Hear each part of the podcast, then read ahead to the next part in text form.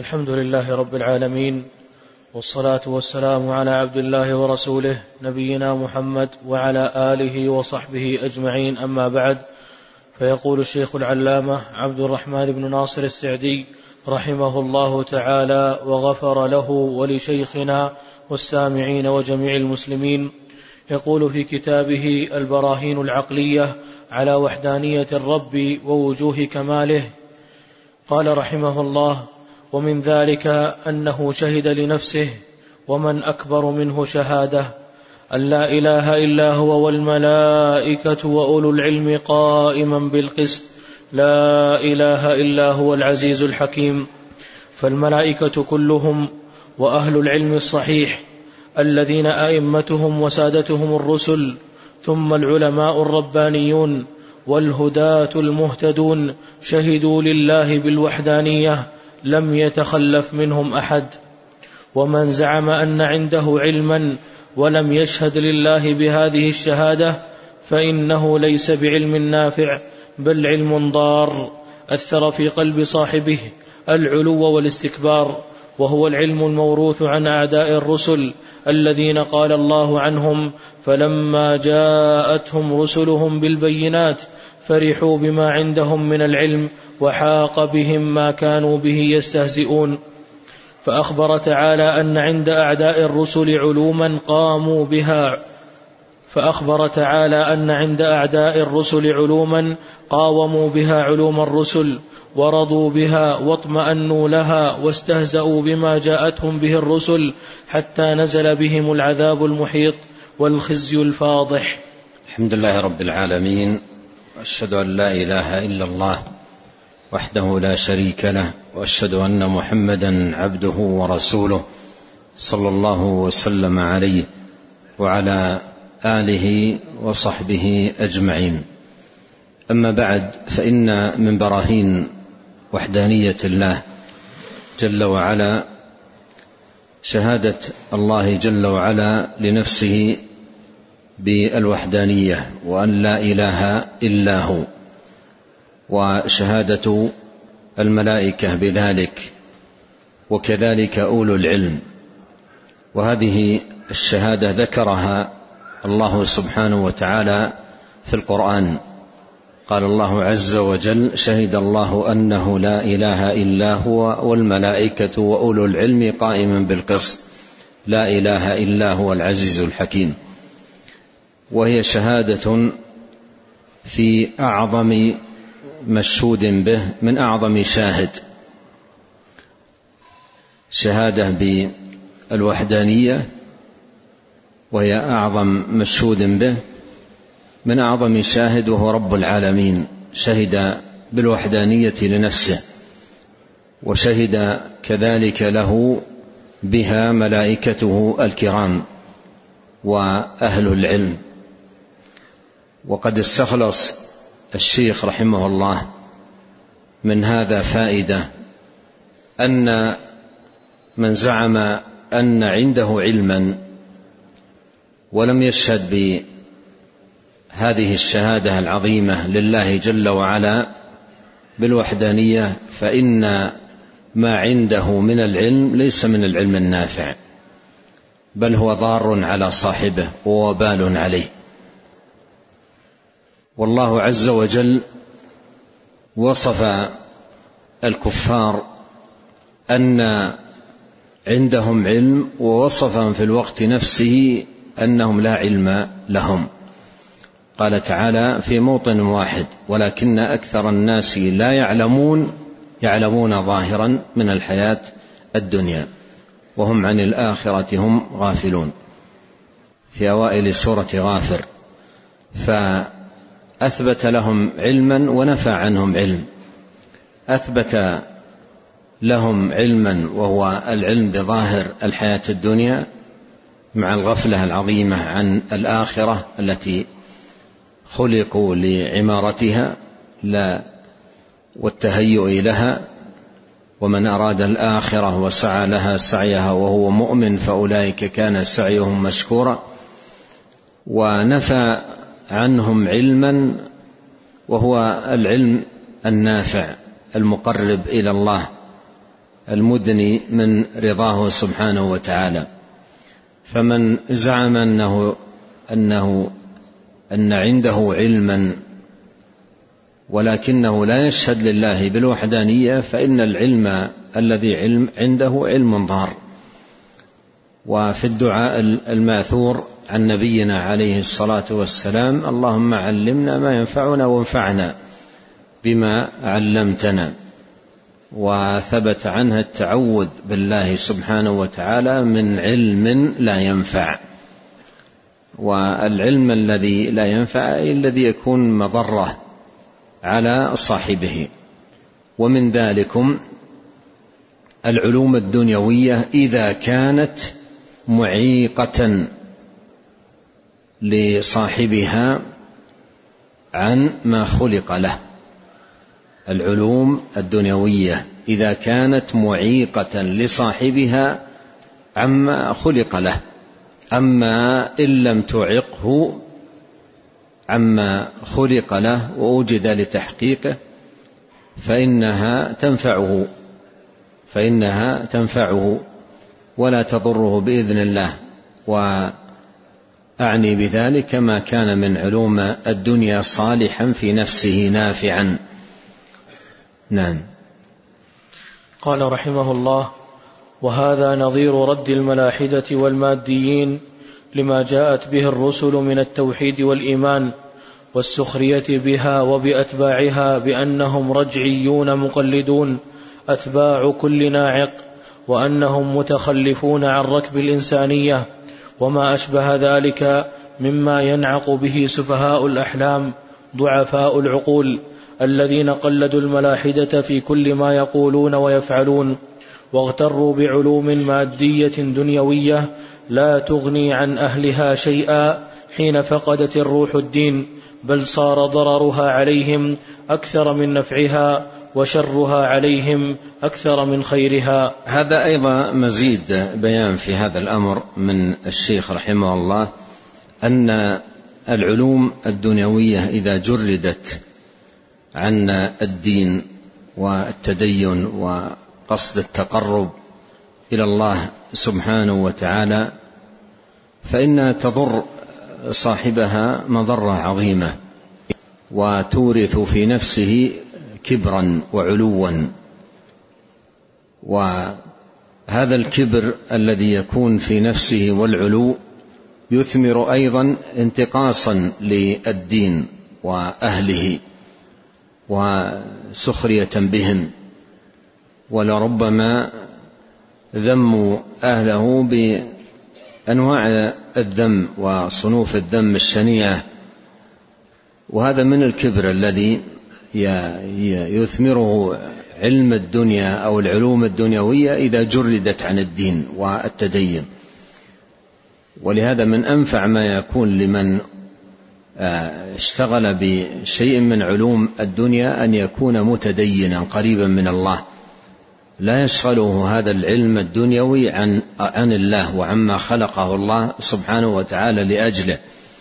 فإن شغله عن ما خلقه الله لأجله ومن أعظم ما يكون في هذا الباب أن يشغله عن الصلاة التي هي صلة يومية في ليالي المرء وأيامه بالله فإن علمه يكون وبالا عليه. نعم. قال رحمه الله ومن أعظم أضرارها وشرورها عليهم أنهم بها تكبروا على الحق وعلى الخلق واحتقروا بها علوم الرسل وأتباعهم التي هي النافعة المزكية للقلوب المطهرة للأخلاق المصلحة للأمور كلها الجالبة للخير والهدى الدافعة للشرور كلها. نعم من أعظم أضرارها أي العلوم الدنيوية إذا جردت عن التدين وقصد التقرب إلى الله سبحانه وتعالى ف فإنه يترتب عليها مضار عظيمة جدا. من هذه المضار أن تورث آه، في نفس صاحبها تكبرا على الحق وعلى الخلق. على الحق رب العالمين بترك عبادته والتقرب إليه وعلى الخلق بالعلو عليهن والتكبر عليهن فهذه من الجنايات التي تجنيها هذه العلوم الدنيوية إذا جردت عن التدين والتقرب لله سبحانه وتعالى. وأيضا تثمر في صاحبها إن كانت كذلك الاستهزاء بالدين والسخرية بأهله والتهكم منهم. وهذا على مر الاعصار موجود. ممن ألهته الدنيا وفرح بما عنده من العلم أي الدنيوي. نعم. قال رحمه الله فهؤلاء الملاحدة ومن قلدهم علومهم نفخت فيهم روح الكبرياء وصيرتهم بطور غير طورهم ورأوا بها العباد أخس من الحيوان البهيم وهم في الحقيقة الأرذلون. نعم آه، الملاحدة الذين لا دين لهم ولا هم لهم إلا الدنيا وبرز بعضهم في بعض علوم الدنيا يصبح بهذه الحالة التي آه، وصف الشيخ تنفخ فيه هذه العلوم روح الكبرياء. تنفخ فيه روح الكبرياء والعلو على العباد فتصيرهم في طور ليس بطورهم. يعني يرى نفسه في في منزلة علية ولا يرى الناس شيئا. لا يرى الناس شيئا. وهذا من الكبر الذي أوصلته إليه هذه العلوم لما كانت مجردة عن الديانة. نعم. قال رحمه الله ومن أضرارها عليهم أنها وإن رقت حضارتهم ومدنيتهم ولكنها حضارة ومدنية مادية محضة مهددة كل وقت بالهلاك والتدمير. نعم وأنها ومن أضرارها عليهم أنها وإن رقت أنها أي العلوم الدنيوية وإن رقت حضارتهم ومدنيتهم.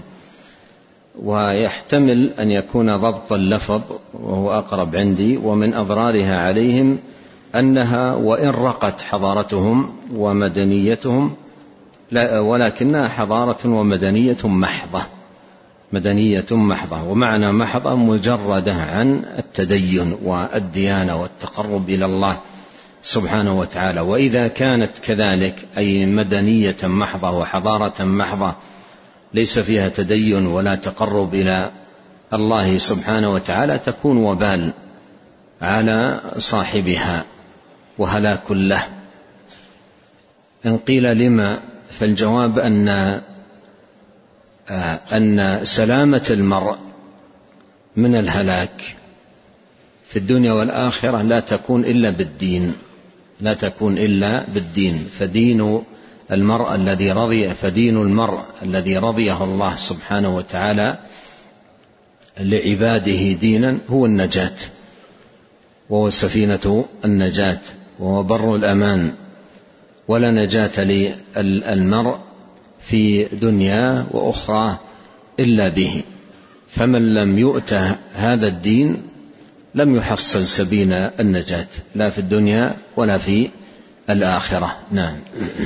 قال رحمه الله فأي مدنية وحضارة روحها الظلم والجشع واستعباد الضعفاء والاستعداد بالأسلحة الفتاكة المهلكة للحرث والنسل ونتائجها وثمرتها التطاحن بين أهلها يصب بعضهم على بعض العذاب الفظيع. نعم هذه من الثمرات. يعني إذا كانت عندهم هذه الحضارات وهذا التقدم في الصناعات ولا دين يحجز ويردع ولا خوف من الله يمنع ولا تقرب إلى الله سبحانه وتعالى يهذب وينقي السلوك ولا خوف من الوقوف بين يدي الله عز وجل يزعج القلب ويمنعه إذا لم تكن فيه هذه الصفات كان كانت هذه الأمور وبالا عليه وعلى غيره ومضرة عليه وعلى غيره. بينما الدين هو الذي يهذب وهو الذي ينقي وهو الذي تتحقق به آه، يتحقق به الأمن والطمأنينة والرخاء وسعادة الناس في الدنيا والآخرة. الذين آمنوا وتطمئن قلوبهم آه، بذكر الله ألا بذكر الله تطمئن القلوب؟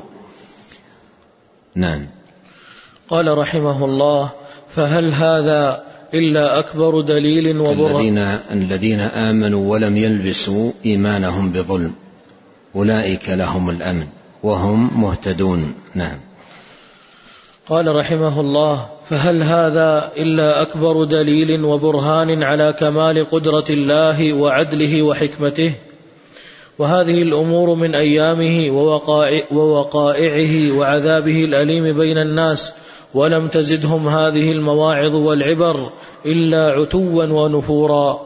فهم ينتقلون من عذاب شديد إلى أشد منه وهم في طغيانهم يعمهون وبمدنيتهم الشنيعة وآثارها يتمدحون يعلمون ظاهرا من الحياة الدنيا وهم عن الآخرة هم غافلون. نعم في أوائل سورة الروم قلت في غافر في أوائل سورة الروم قال الله عز وجل عن هؤلاء ولكن أكثر الناس لا يعلمون يعلمون ظاهرا من الحياة الدنيا.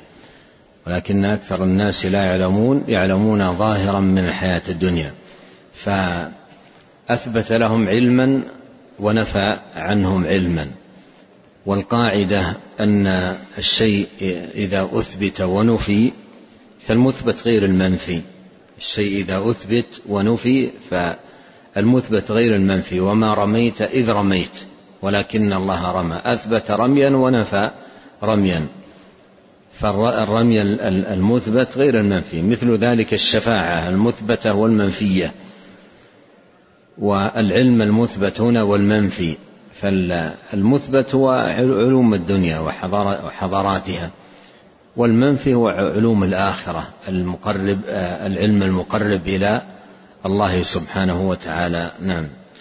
قال رحمه الله ما أعظمها من عبر لو أن القلوب واعية وما أدلها على كمال عدل الله وحكمته لو أن الفهوم صالحة ولكن القلوب غشي ولكن القلوب غطيت بأغشية الغفلة والكبرياء والاغترار والنفوس أقبلت على الأمور الضارة قد خلبتها المناظر البراقه قد خلبتها المناظر البراقة وسحرت الأبصار أفمن زين له سوء عمله فرآه حسنا وزين لهم الشيطان ما كانوا يعملون فلما نسوا ما ذكروا به فتحنا عليهم أبواب كل شيء حتى إذا فرحوا بما أوتوا أخذناهم بغتة فإذا هم مبلسون. وأما شهادته تعالى لنفسه بالوحدانية فقد نطقت بذلك جميع الكتب التي أنزلها على رسله وأنطق بها رسله واتفقت على ذلك دعوتهم وتبعهم على ذلك جميع أتباعهم من العلماء الربانيين والهداه وجميع, طب وجميع طبقات أهل العلم والإيمان. وجميع, وجميع طبقات أهل العلم والإيمان. وكذلك أقام على ذلك الشواهد النفسية والأفقية ومن آياته الليل والنهار والشمس والقمر. نعم وأيضا في قوله سنريهم آياتنا في الآفاق وفي أنفسهم حتى يتبين لهم أنه الحق. نعم. والعالم العلوي والعالم السفلي كلها آيات بينات وبراهين قطعيات على وحدانية خالقها ومدبرها ومتقن صانعها ومبدعها بالخلق العجيب والنظام الباهر والحكم التي يعجز الفصحاء والبلغاء عن التعبير والإحاطة ببعض آياتها وبراهينها. ومن شهادته تعالى لنفسه بالوحدانية والتفرد بالعظمة والكمال ما عجله لأنبيائه وأتباعهم من الآيات والمعجزات والنصر العظيم والكرامات المتنوعة والعواقب الحميدة وما عجله لأعدائهم من الهلاك الخاص والعام والمثلات والأخ والأخذات الخ جمع أخذة والمثلات وكذلك أخذ ربك. وكذلك أخذ ربك. نعم. والمثلات والأخذات الصوارم والعواقب الوخيمة. وكذلك ما تركه لأنبيائه وأصفيائه من لسان الصدق والثناء العام المنتشر والمحبة في قلوب الخلق وما لأعدائه من البغض والذم واللعن المتتابع. كل ذلك آيات بينات على وحدانية الله وصدق رسله. قال تعالى سلام على نوح في العالمين. وقال سلام على إبراهيم وقال سلام على موسى وهارون إنا كذلك نجزي المحسنين وقال ثم كان عاقبة الذين أساءوا السوء أن كذبوا بآيات الله وكانوا بها يستهزئون. نعم وقال هل جزاء الإحسان إلا الإحسان؟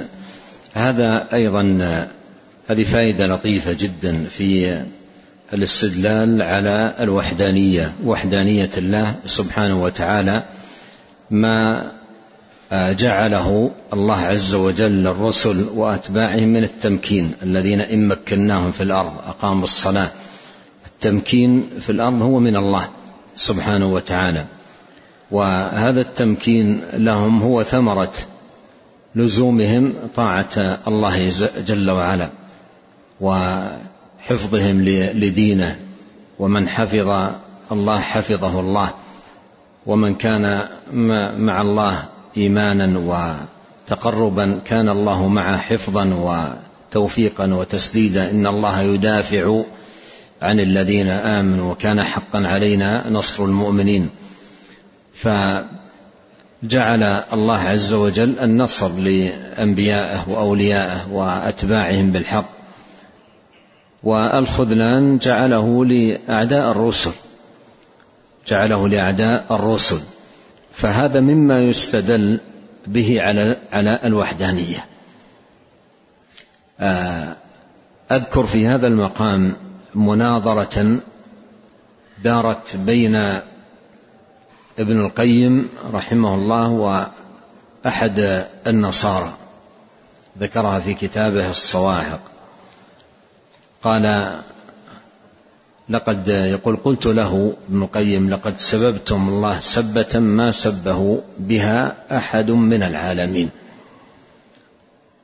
والمناظرة أرويها بالمعنى لأن عهدي بها بعيد. قال قلت له لقد سببتم الله سبة ما سبه بها أحد من العالمين. قال وما ذاك؟ قلت إنكم تقولون إن محمد رسول كاذب ليس من عند الله. وهو من حين بعث ودينه في علو ورفعة وظهور وتمكين. وهو مع هذا الظهور والعلو والتمكين لا يزال يخبر الناس بأنه مرسل من من رب الله من رب العالمين. فإما أن يكون الله عالما به وبما كان منه أو ليس عالما. إن قلتم ليس عالما فهذا سب لله بسب ما سبه به أحد من العالمين. قال وإن قلتم عالم, عالم به فهل كان قادرا على منعه أو ليس بقادر؟ إن قلتم ليس قادرا فقد سببتم الله سبة ما سبه بها احدا من العالمين. وإن قلتم عالم به وقادر عليه. ثم أبقاه ينسب نفسه إلى أنه مرسل من الله وهو كاذب بزعمهم ولا يزال في ظهور وفي علو. فهذا أيضا سب لله بسب ما سبه به أحد من العالمين. فقال ذلك الرجل حاشا أن نقول إنه نبي كاذب. رجع. قال حاشا أن نقول إنه نبي كاذب. بل العقلاء منا يقولون إنه نبي صادق. قال فما يمنعك أن تؤمن به؟ قلت له فما يمنعك أن تؤمن به؟ ما دمت ترى أنه نبي صادق. قال وموسى نبي صادق وعيسى نبي صادق. ونحن من أتباع عيسى أو أتباع موسى. قال إن كنت تقول إنه نبي صادق فقد جاء عنه في الحديث الصحيح أنه قال والذي نفسي بيده لا يسمع بي يهودي ولا نصراني ثم لا يؤمن بالذي جئت به إلا كان حقا على الله أن يدخله النار. وهذا الحديث شاهده في القرآن في قوله سبحانه وتعالى ومن يكفر به من الأحزاب فالنار موعده. فذكرت له ذلك فماذا قال الرجل؟ قال حدثنا في غير هذا حدثنا في غير هذا. يعني افتح موضوع آخر. ما أصبحت له حجة انقطع. فهذا من البراهين هذا من البراهين العجيبة العظيمة على الوحدانية ما يكون للرسل من الظهور والعلو والتمكين ودفاع الله عنهم ونصرته لهم تأييده لهم وما يكون أيضا لأعدائهم من الخذلان في الدنيا والآخرة. نعم. قال رحمه الله ومن أعظم البراهين الجامعة بين كونها نقلية وعقلية حسية إخبار الله في كتابه وفي سنة رسوله صلى الله عليه وسلم عن أمور من الغيب كثيرة جدا. أمور ماضية سابقة لوقت التنزيل وأمور حاضرة وقعت أيام الرسالة وأمور مستقبلة لا تزال تحدث شيئا فشيئا. موافقة مطابقة لما أخبر الله به ورسوله على الوجه الذي أخبر وهي غير منح وهي غير محصورة في أنواعها فضلا عن أفرادها تستحق أن يصرف لها تصنيف مستقل. يعني أن تفرد بكتاب. وأشراط الساعة وعلاماتها هذه أفرد أفردت بكتب. نعم. فكل واحد منها برهان. ثم هو مع الثاني ومع الثالث والرابع وما بعده براهين متعددة وكلها تضطر الناظر فيها إلى الاعتراف لله بالوحدانية ولنبيه بالرسالة وأن جميع ما أخبر الله به وأخبر رسوله فهو حق لا ريب فيه. نعم هذا هذا أيضا من البراهين الإخبار بأمور مغيبة. بأنها ستقع. وجاء من ذلك شيء كثير في القرآن وفي سنة النبي الكريم عليه الصلاة والسلام. وعموما أشراط الساعة وعلاماتها كلها تدخل في هذا البرهان الذي يتحدث عنه الشيخ. فبعض أشراط الساعة وقعت في زمن الرسالة. وبعضها وقعت بعد زمنها بقليل وبعضها وقعت فيما بعد وبعضها لا تزال منتظر منتظرة وستقع لأن فيها خبر صادق عن الله وعن رسوله عليه الصلاة والسلام. فهذه الآيات آيات الساعة وعلاماتها الإخبار عنها إخبار عن أمر غيبي أمر مغيب. ولا تزال تقع هذه العلامات وهي على قسمين كما هو علامات صغرى وعلامات كبرى. فهذه العلامات آه، الإخبار بها ثم وقوعها طبقا لما جاء في الخبر عن الله وعن رسوله عليه الصلاة والسلام. هذا من البراهين على وحدانية الله سبحانه وتعالى. سبحانك اللهم وبحمدك أشهد أن لا إله إلا أنت أستغفرك وأتوب إليك. اللهم صل وسلم على عبدك ورسولك نبينا محمد وآله وصحبه.